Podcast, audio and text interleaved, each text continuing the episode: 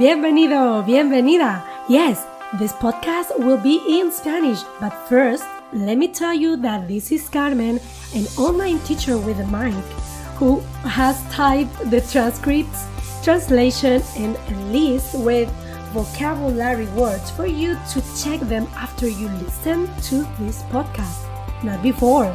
At my website, uh, www.fluentinspanish.org, Will you take a look after? It took me forever to do it. This podcast is also a video, and the video version will be available at the link right above the transcripts, but about a week after I upload the podcast. Bueno, amigos, hoy estamos con una alumna muy querida, Joan David. Hola, Joan, ¿cómo estás? Hola, Carmenita. ¿Qué tal? ¿Todo bien? Muy bien, todo muy bien. Y bueno, quería que vinieras a mis video podcasts porque es la primera vez que hago un video podcast con, hablando con una estudiante, con una alumna, y creo que es muy interesante para la gente que nos escucha toda tu experiencia con el español eh, porque Joan es de Estados Unidos. ¿Originalmente de dónde? De Texas. De Texas. Entonces, ¿cuándo y cómo fueron tus primeras experiencias con el español en Texas? Oh, empecé de niña cuando tenía ocho años. ¿En la escuela? En la escuela, en la escuela, porque es, es una regla que en mi escuela necesitabas, necesitaban em, aprender una idioma segunda. Sí. en la escuela, eso es. ¿Y tú lo recuerdas como un aprendizaje más como un juego o tú recuerdas que era más gramatical? ¿Cuál es tu recuerdo? Solo la experiencia de, no, había dos experiencias. Uno para hacer tortillas. en clase, sin aire acondicionado. sin aire acondicionado. Sin, sin aire acondicionado, porque no había en esta edad. Y la otra es para estudiar el doble R.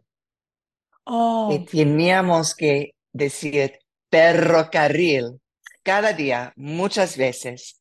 Y para mí no hay problema, pero para otras personas es un poco difícil.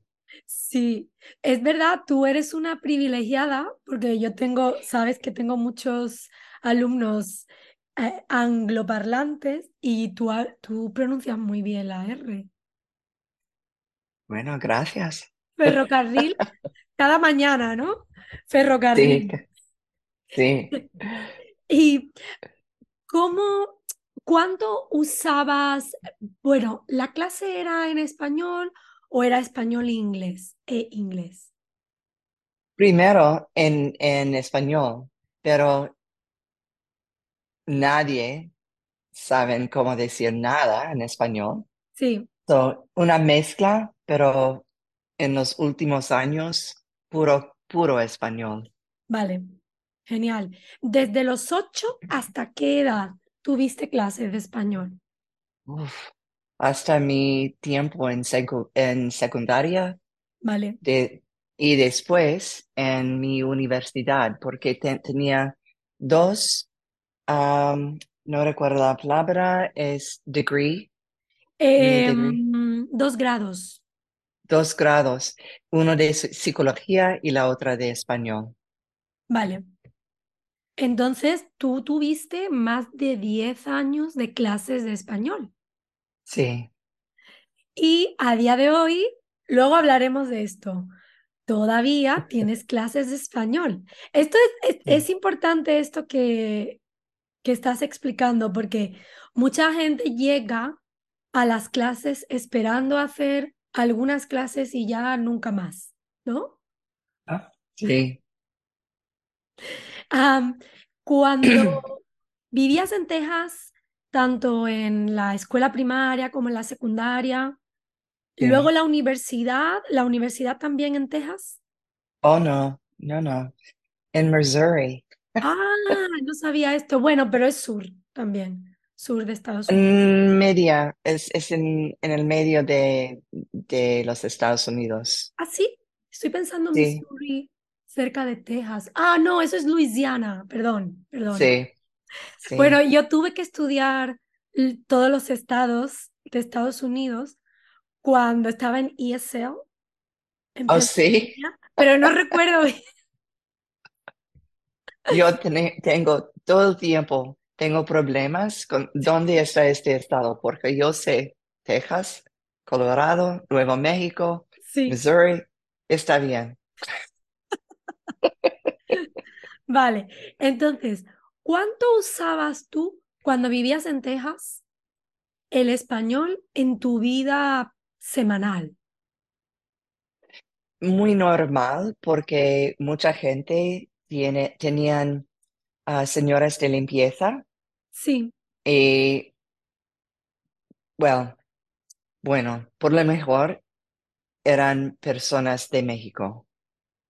La So, mayoría. habían la mayoría y habían bastante opor- oportunidades de hablar con ellas Vale, y es, es normal. Y también hay muchas, muchos lugares ah, como am, una- un mercado libre, de aire libre, por sí, ejemplo, donde hay mucha gente de México que están vendiendo sus cosas de ah, frutas y vegetales o verduras, cosas así. claro, Todavía hay muchas oportunidades de hablar. sí. Es que es muy diferente, ¿no? Las oportunidades que hay en un estado como Texas a las que hay en Nebraska, Oh, sí. Por, Y, y por hay, ejemplo, la gente, oh, lo siento. dime, dime. La gente del norte de los Estados Unidos están en la frontera con Canadá. Entonces, es Sí, mejor que ellos hablan francés, por ejemplo. claro, claro. Sí, cuando yo vivía en Pensilvania había muchas personas hispanoamericanas, Mm, pero no sé realmente cómo de fácil era para la gente en su vida, la gente que aprendía español, hablar, hablar con ellos. No sé, pero Texas, Nuevo México, Arizona, no, mucho más, California, más fácil. ¿Y sí. con cuántos años haces la inmersión en Ecuador? Oh, solo, eh, solo tres meses, Vale, pero muy, muy dentro eh, y en, en un pueblo pequeño vale, de donde mucha gente no habla nada de inglés. Pero la cosa en este, este pueblo es que hay muchos, muchas personas de los Estados Unidos que son expats sí. y hablan mucho en inglés. A veces había una persona que estaba estudiando un poco de español, pero el resto estaban hablando en inglés y no querían aprender español. Esto es una cosa que me parece siempre muy curiosa. Pagar para irte a otro lugar, para tener otra cultura, pero no intentas integrarte. Exacto. En España, tú sabes perfectamente esto. En España tenemos comunidades así. En la Sí. provincia de Málaga, la provincia de Alicante, británicos, suecos, finlandeses, rusos, que no aprenden español. Y yo creo que es un poco difícil porque para Paul y yo queremos estar como el resto de la comunidad. Queremos estar um, integrados con el ¿Quién es resto. Paul? Oh, lo siento. Paul es mi pareja. Paul es su pareja. y, sí, y él no habla mucho en español antes de, de nos mudarnos. ¿Es correcto? Antes de Mudamos. mudarnos. Sí.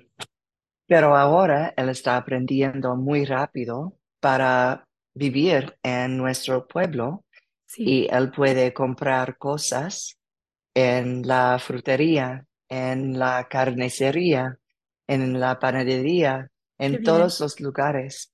Él puede hacer esto, pero está aprendiendo muy rápido para ser parte de la comunidad y yo creo que es lo más importante.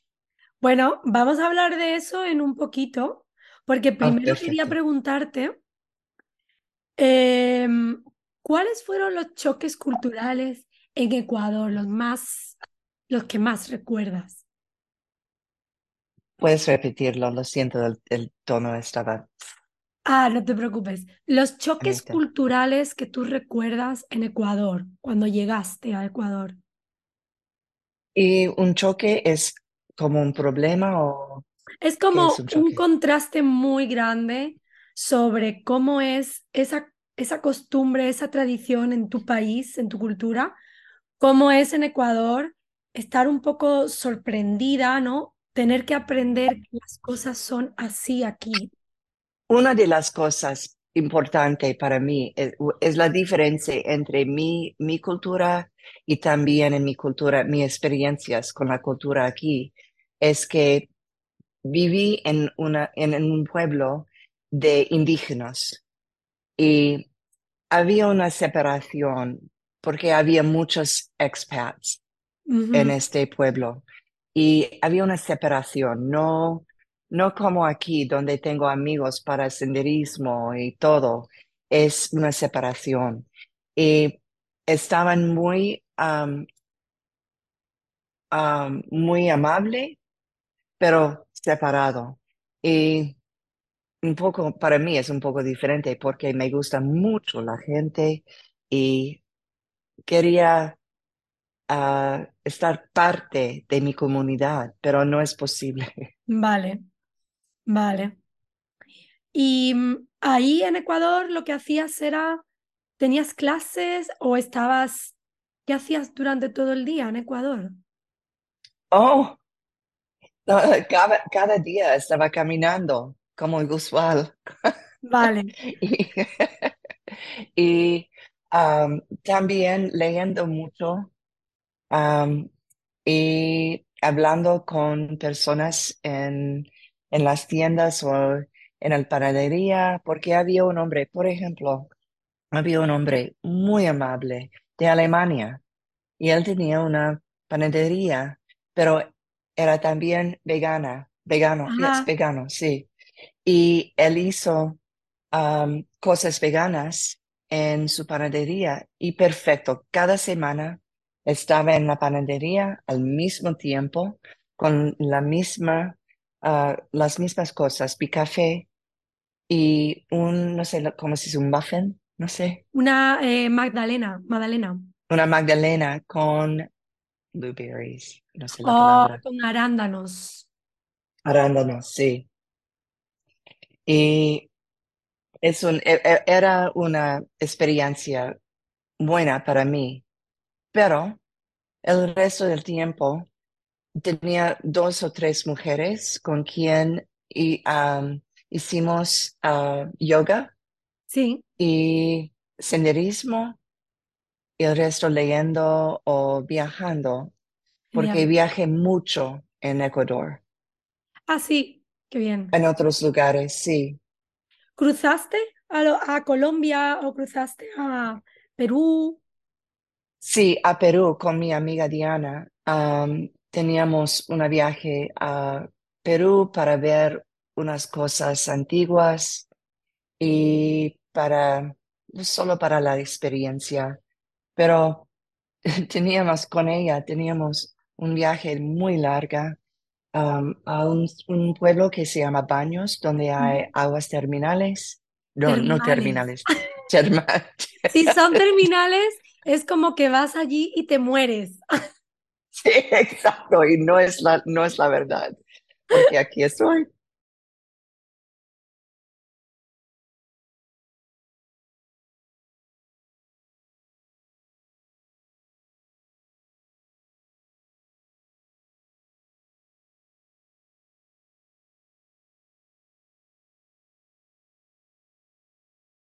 In order to avoid the illegal copy of this podcast, I just want to say here in the middle of the podcast that this is an original podcast from fluentinspanish.org.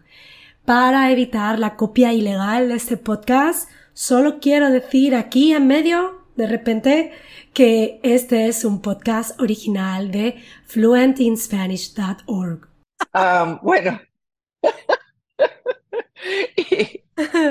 y, um, la otra cosa es que um, viajan a via, viajemos a um, Galápagos. Oh, qué envidia, por favor. Sí, Qué y envidia. era mi, mi segunda vez en Galápagos, pero una, una experiencia increíble porque pasemos dos semanas en un barco visitando muchas de las islas que no puede ver si no estás en barco. Sí, no Fue sé, una experiencia. que, no sé cómo, e- cómo fue en ese, en ese tiempo, pero ahora está muy limitado las, la- las autorizaciones para viajar a Galápagos, creo. Sí, es la verdad, porque hay muchas protecciones en este área Sí, para sí, los sí. animales. Y en un momento dado, tú te, te mudas a vivir a, a New México, a Nuevo México, Sí. y quería preguntarte, ¿hay diferencia en el, en la necesidad o en la oportunidad de hablar español entre Nuevo México y Texas? Yo creo que había más oportunidades en Nuevo México porque hay gente que están hablando en español puramente, um, porque sabes que hay mucha gente que son de líneas familiar de España, porque recuerdas que tenemos la historia con España. Sí, Um, y hay muchas familias que todavía están hablando en español, pero no como español aquí, no como, como castellano puro, pero están hablando mucho en español. Y en mi comunidad de Santa Fe había personas que hablan, por ejemplo, pero son porque es un, un, una, un pueblo con tres culturas de indi- indígenas indígena, nativos, indígenas, sí, y personas de México, porque teníamos un, es una historia con México también, y ah, la gente blanca, por ejemplo, no sé cómo se dice Sí, correcto, pero es, está bien. Y tenemos que, que aprender mucho de una comunidad donde hay tres culturas. Eso es interesante y había muchas oportunidades de hablar en español en restaurantes y todo. Qué bonito. eh, Siempre que hablo contigo y con otros alumnos de Nuevo México, me, me da pena que nunca fui, ¿no? Cuando viví en Estados Unidos, nunca fui a Nuevo México y, y suena como un lugar muy interesante. Un día Un día, quién sabe, conmigo, conmigo. contigo.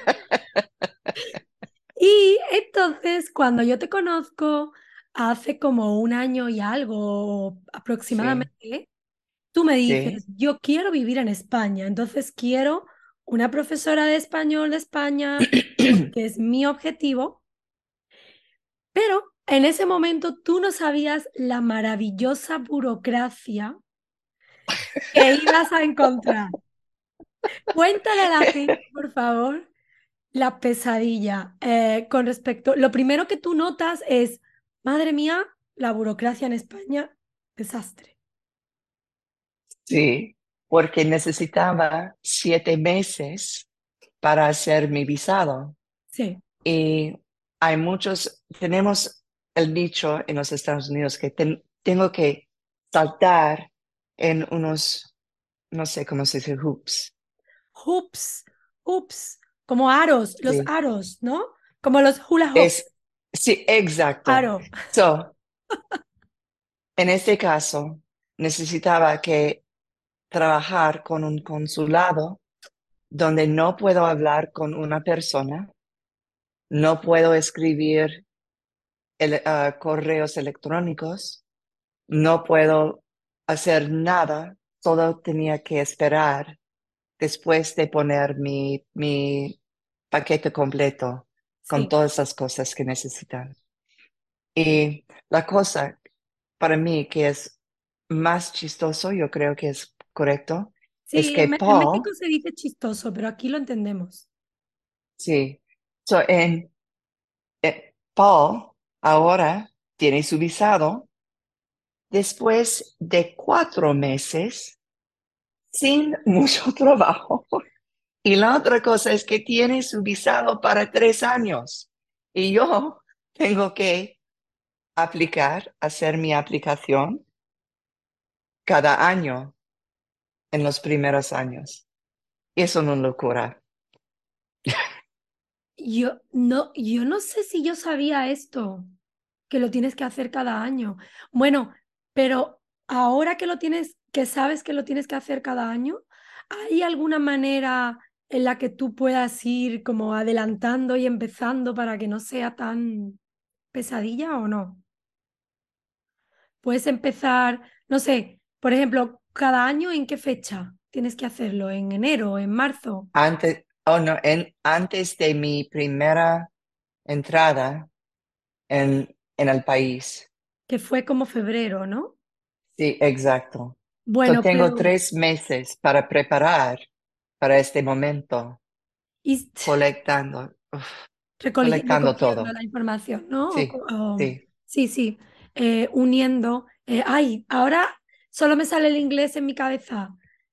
Tengo que... em, no me sale. Bueno, ya luego lo dejaré en, en el vocabulario.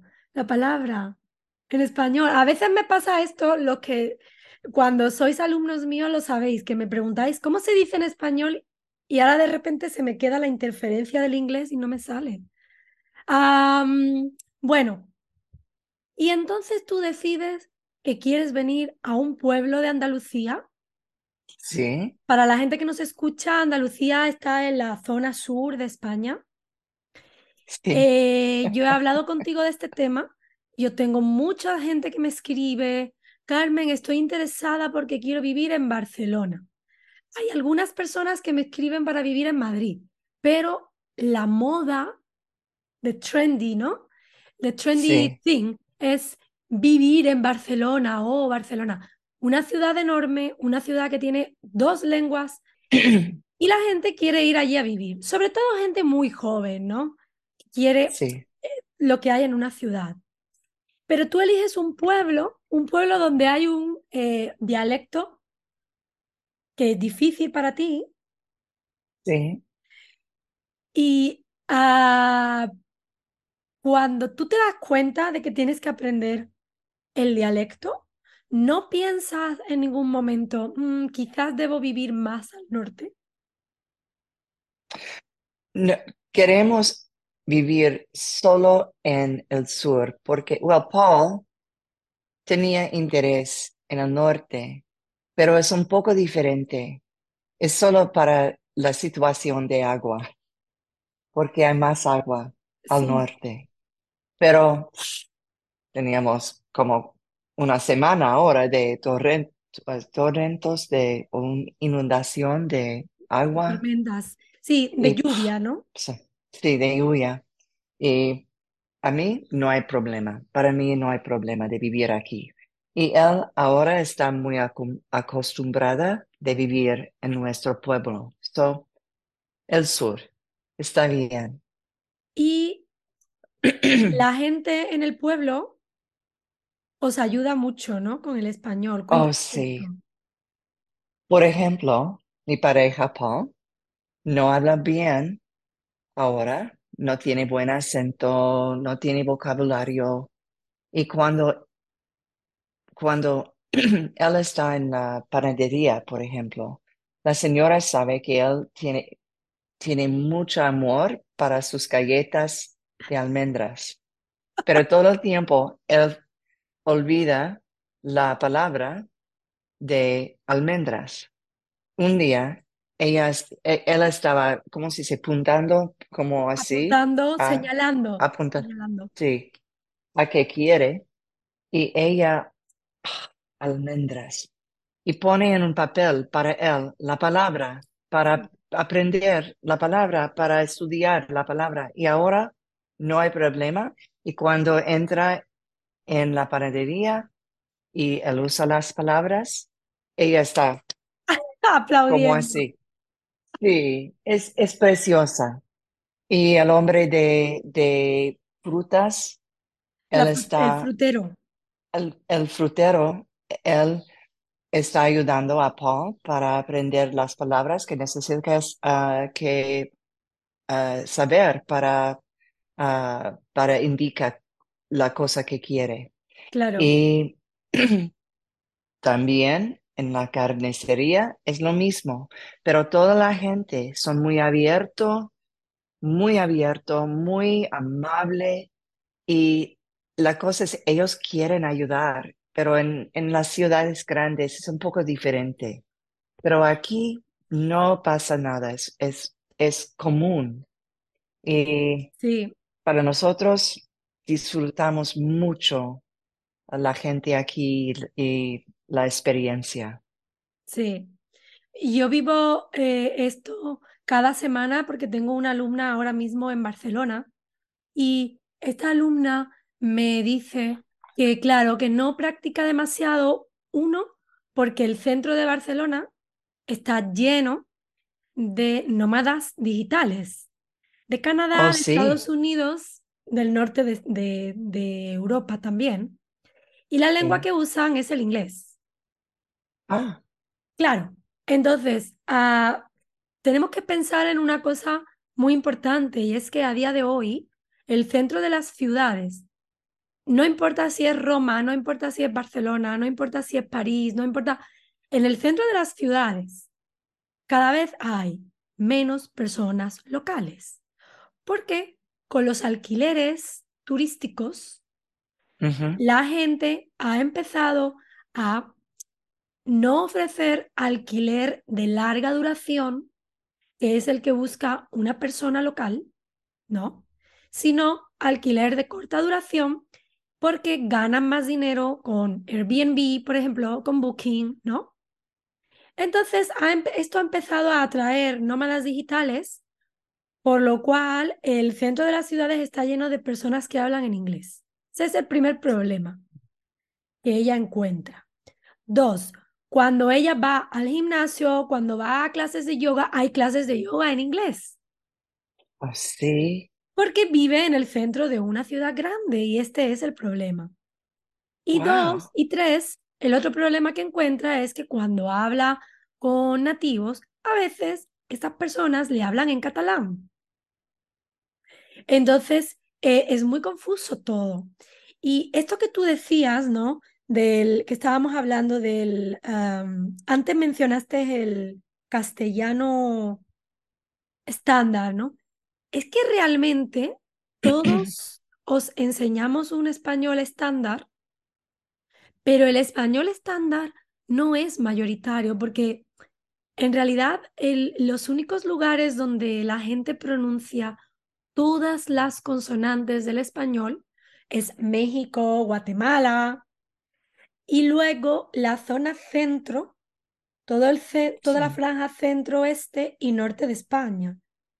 En el momento que vienes al sur, Extremadura, Andalucía, Murcia, Islas Canarias, no pronunciamos todas las consonantes. Pero es lo mismo en Venezuela, o en Cuba, o en República Dominicana, ¿no? Sí. Entonces, claro, pero el, el, el acento de donde vive Joan a veces es que ni siquiera pronuncian la S, dicen sí, por ejemplo, y, y ese tipo de cosas. ¿Cómo, cómo vas con el acento local? ¿Cómo te sientes ahora? Por ejemplo, mi vecina que vive frente de mi casa, ella me dijo cada día, uff, habla español muy bien. Y yo, yo creo que puedo comunicar bien, pero a veces es un poco difícil. Y yo, y yo, yo, yo creo que tú recuerdas una conversación que tengo con un hombre aquí, uno de los millones de Pepes. Y porque he visto anoche, he visto muchas pepes en, en el bar anoche, pero Sí. esa es la cosa. Él me dijo un día, aquí hablamos feo, no puedo hablar aquí. ¿Por qué? Yo puedo entender más o menos, está bien. Y él me dijo, no, no, hablemos feo. Pues yo sé, porque no usan el S en las palabras. Por ejemplo, cuando oye una persona en el autobús o escucha a una persona, ellos dicen más o menos, Más o menos. no más o menos. Y yo, ¿qué es esto? Él me dijo, es más, es más económica. Sí, es verdad, es, es lo que se dice. Esto es común a toda Andalucía.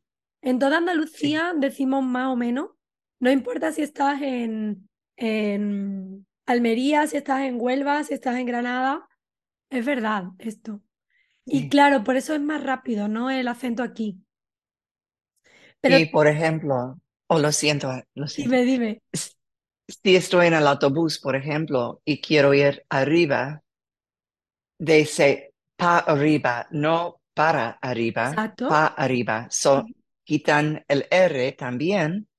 So, a veces tengo que escuchar más, con más concentración, Claro, porque es muy difícil a veces. Pero ahora estoy muy cómodo y yo sé que es paso a paso para charlar con mis vecinos, pero yo creo que es mejorando cada día. sí. Sí. ¿Y qué echas de menos de Estados Unidos? Mm. ¿Puedes um, darme un poco más información? Echar de menos es un verbo que la gente, a mis alumnos, no le gusta memorizar, a nadie. Echar de menos es como extrañar, como to miss. What do you miss about the United States? ¿Qué echas de menos? Solo una cosa, y esto es mis chiles que pican mucho, porque aquí no hay. ¿No puedes cultivarlos tú? ¿Comprarlos? Oh, estamos cultivando ahora, pero Vale, están como así. Y estamos esperando, por favor, por favor, crece más, más hoy, pero es la verdad. Pero tenemos un verano muy largo aquí, sí, so quizás vamos a tener, tener una gran abundancia de pimiento, pimientos. vale, vale. Sí. Entonces, ¿no echas de menos? Porque a mí una cosa que me encantaba de Estados Unidos y que para mí es un desastre aquí es el tema del orden. La gente a partir de las diez y pico de la noche, todo el mundo sabe que no puede hacer ruido. En Estados Unidos Oh, la gente se levanta temprano. Aquí la gente no se levanta tan temprano, pero incluso cuando son personas que se levantan muy temprano, se van a dormir a las 12 de la noche. Yo no lo entiendo. Yo no entiendo el ruido en mi cultura. ¿No echas de menos esto? no, porque no tengo problema aquí. I mean, a veces hay personas en medianoche que están caminando frente de mi casa, están hablando muy, you know, muy fuerte, pero es parte de mi comunidad y no tengo problema con esto. Qué bien. La otra, la, la única cosa más importante que pimientos es mis amigos. ¿Sabes una cosa? Me acabas de dar el titular de highlights. I meant the headline, not the highlights. I made a mistake as well. De esta, de esta conversación, la única cosa más importante que lo- mis pimientos son mis amigos John David. Me encanta, me encanta, me parece la manera más eh, perfecta de terminar con, con- con esta eh, conversación, entrevista contigo. Eh, Ah, muchas gracias, John, por compartir todo esto.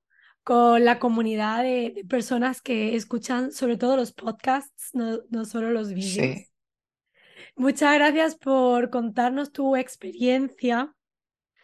Eh, me parece también que yo mm, hago un poco de autocrítica y me doy cuenta de que yo necesito un poco más de tu comprensión hacia la comunidad, porque yo no tengo mucha comprensión hacia la comunidad.